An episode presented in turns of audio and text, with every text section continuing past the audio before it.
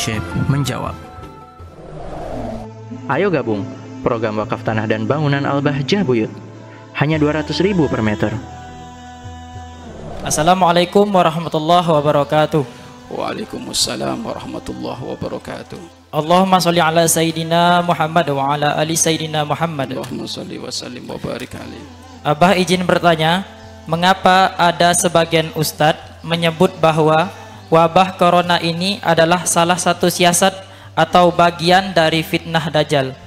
Mohon penjelasannya Abah. Syukron. Assalamualaikum warahmatullahi wabarakatuh. Waalaikumsalam warahmatullahi wabarakatuh.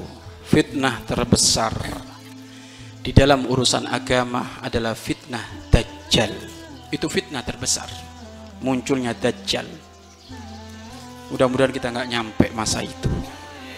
Ya, bahaya. Kalau nyampe masa itu, mudah-mudahan kita tetap berpegang teguh kepada agama Allah. Karena Dajjal itu akan dikasih kemampuan oleh Allah bisa mengelilingi dunia hanya satu langkah kaki. Tetapi yang tidak mampu dipijaki oleh Dajjal adalah Mekah dan Madinah. Mekah, Madinah tidak mampu dilewati oleh Dajjal. Dajjal tidak akan masuk ke Mekah, Madinah karena Mekah, Madinah dijaga oleh malaikat. Setiap Dajjal ingin masuk dilempari panah oleh malaikat. Tetapi buyut dan sekitarnya bakal dimasuki oleh Dajjal. Makanya mudah-mudahan kita nggak nyampe masuk itu waktu itu. Atau kalau kita nyampe nanti mudah-mudahan kita lagi di Mekah dan Madinah. Iya kan? Semuanya oleh Dajjal ditawari. Inti nyembah saya atau kalau enggak inti tak bunuh. Dia perlu membawa neraka dan surga, tapi neraka surga buatan dia. Nerakanya Dajjal adalah surganya Allah, surganya Dajjal adalah nerakanya Allah. Ke mana-mana bawa itu, ini surgaku ini, ini nerakaku. Ayo, inti beriman enggak sama sama saya? Orang yang tidak dibimbing oleh Allah dia akan mengatakan aku beriman kepadamu karena kamu hebat. Iya kan? Makanya nanti pemuda pertama kali yang syahid dibunuh oleh Dajjal adalah pemuda yang bernama Hidir alaihissalam alias Nabi Hidir. Di saat semuanya pada ketakutan untuk menampakkan keimanannya, Nabi Hidir saat itu menampakkan keimanannya. Berkata Dajjal kepada Nabi Hidir, Hidir berimanlah engkau kepadaku, aku adalah Tuhan. Maka Nabi Hidir berkata, aku tidak akan beriman kepadamu karena engkau bukan Tuhan. Kok bisa kamu mengatakan aku bukan Tuhan? Kamu adalah lemah. Loh, aku punya surga, aku punya neraka kok kamu mengatakan lemah? Kalau memang kamu Tuhan, kenapa matamu satu? Kalau memang kamu maha sempurna, kenapa kamu tidak bisa mengobati matamu yang pijak sebelah itu? Maka kamu bukan Tuhan. Maka seketika itu Nabi Khidir digergaji oleh Dajjal. Digergaji kepalanya. Diminta masih mau masih tetap kamu kokoh beriman kepada Allah masih sampai nanti mening meninggal. Lah di akhir zaman peranakan alias ketuturan eh, keturunannya Dajjal segala fitnah itu itu semuanya hakikatnya adalah muaranya dari daj, Dajjal. Fitnah tentang agama loh.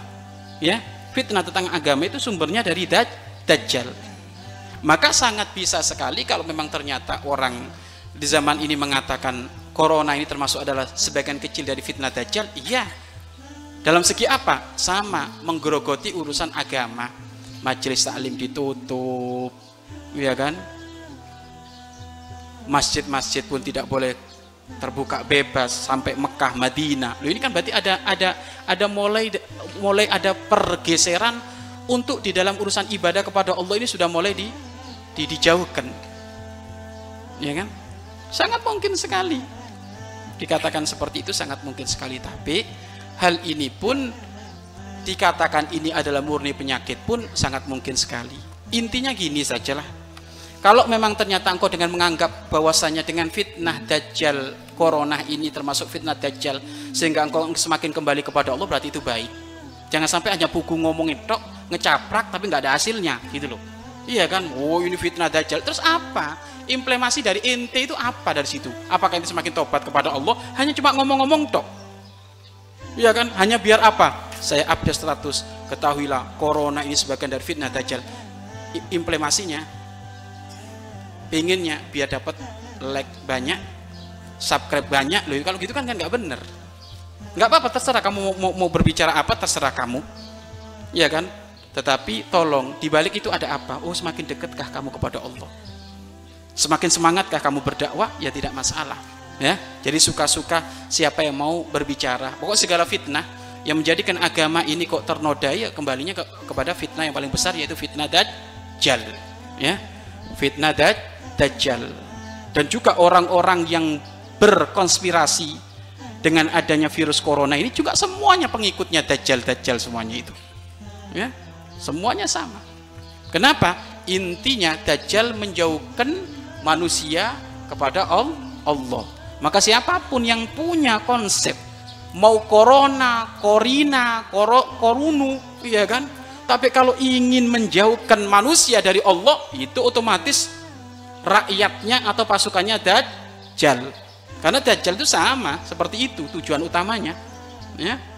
Tapi intinya adalah kita tetap semangat ibadah kepada Allah Subhanahu wa taala, kembali kepada Allah. Allah Maha segala-galanya. Fitnah Dajjal kecil jika dibandingkan dengan kebesaran Allah. Kalau engkau menjadi asidik, orang yang senantiasa berbuat jujur, percaya kepada kebesaran Allah, nyantai. Mau ada Ya'jud Ma'jud yang sesungguhnya, mau ada Dajjal yang sesungguhnya, dirimu akan menjadi pribadi seperti hanya Nabi Hidir. Nggak takut. Ya kan? Nggak takut. Ya. tapi permasalahannya khawatir ini loh ya kan? Di saat ditampakin pedang wow ayo inti iman kepada Allah.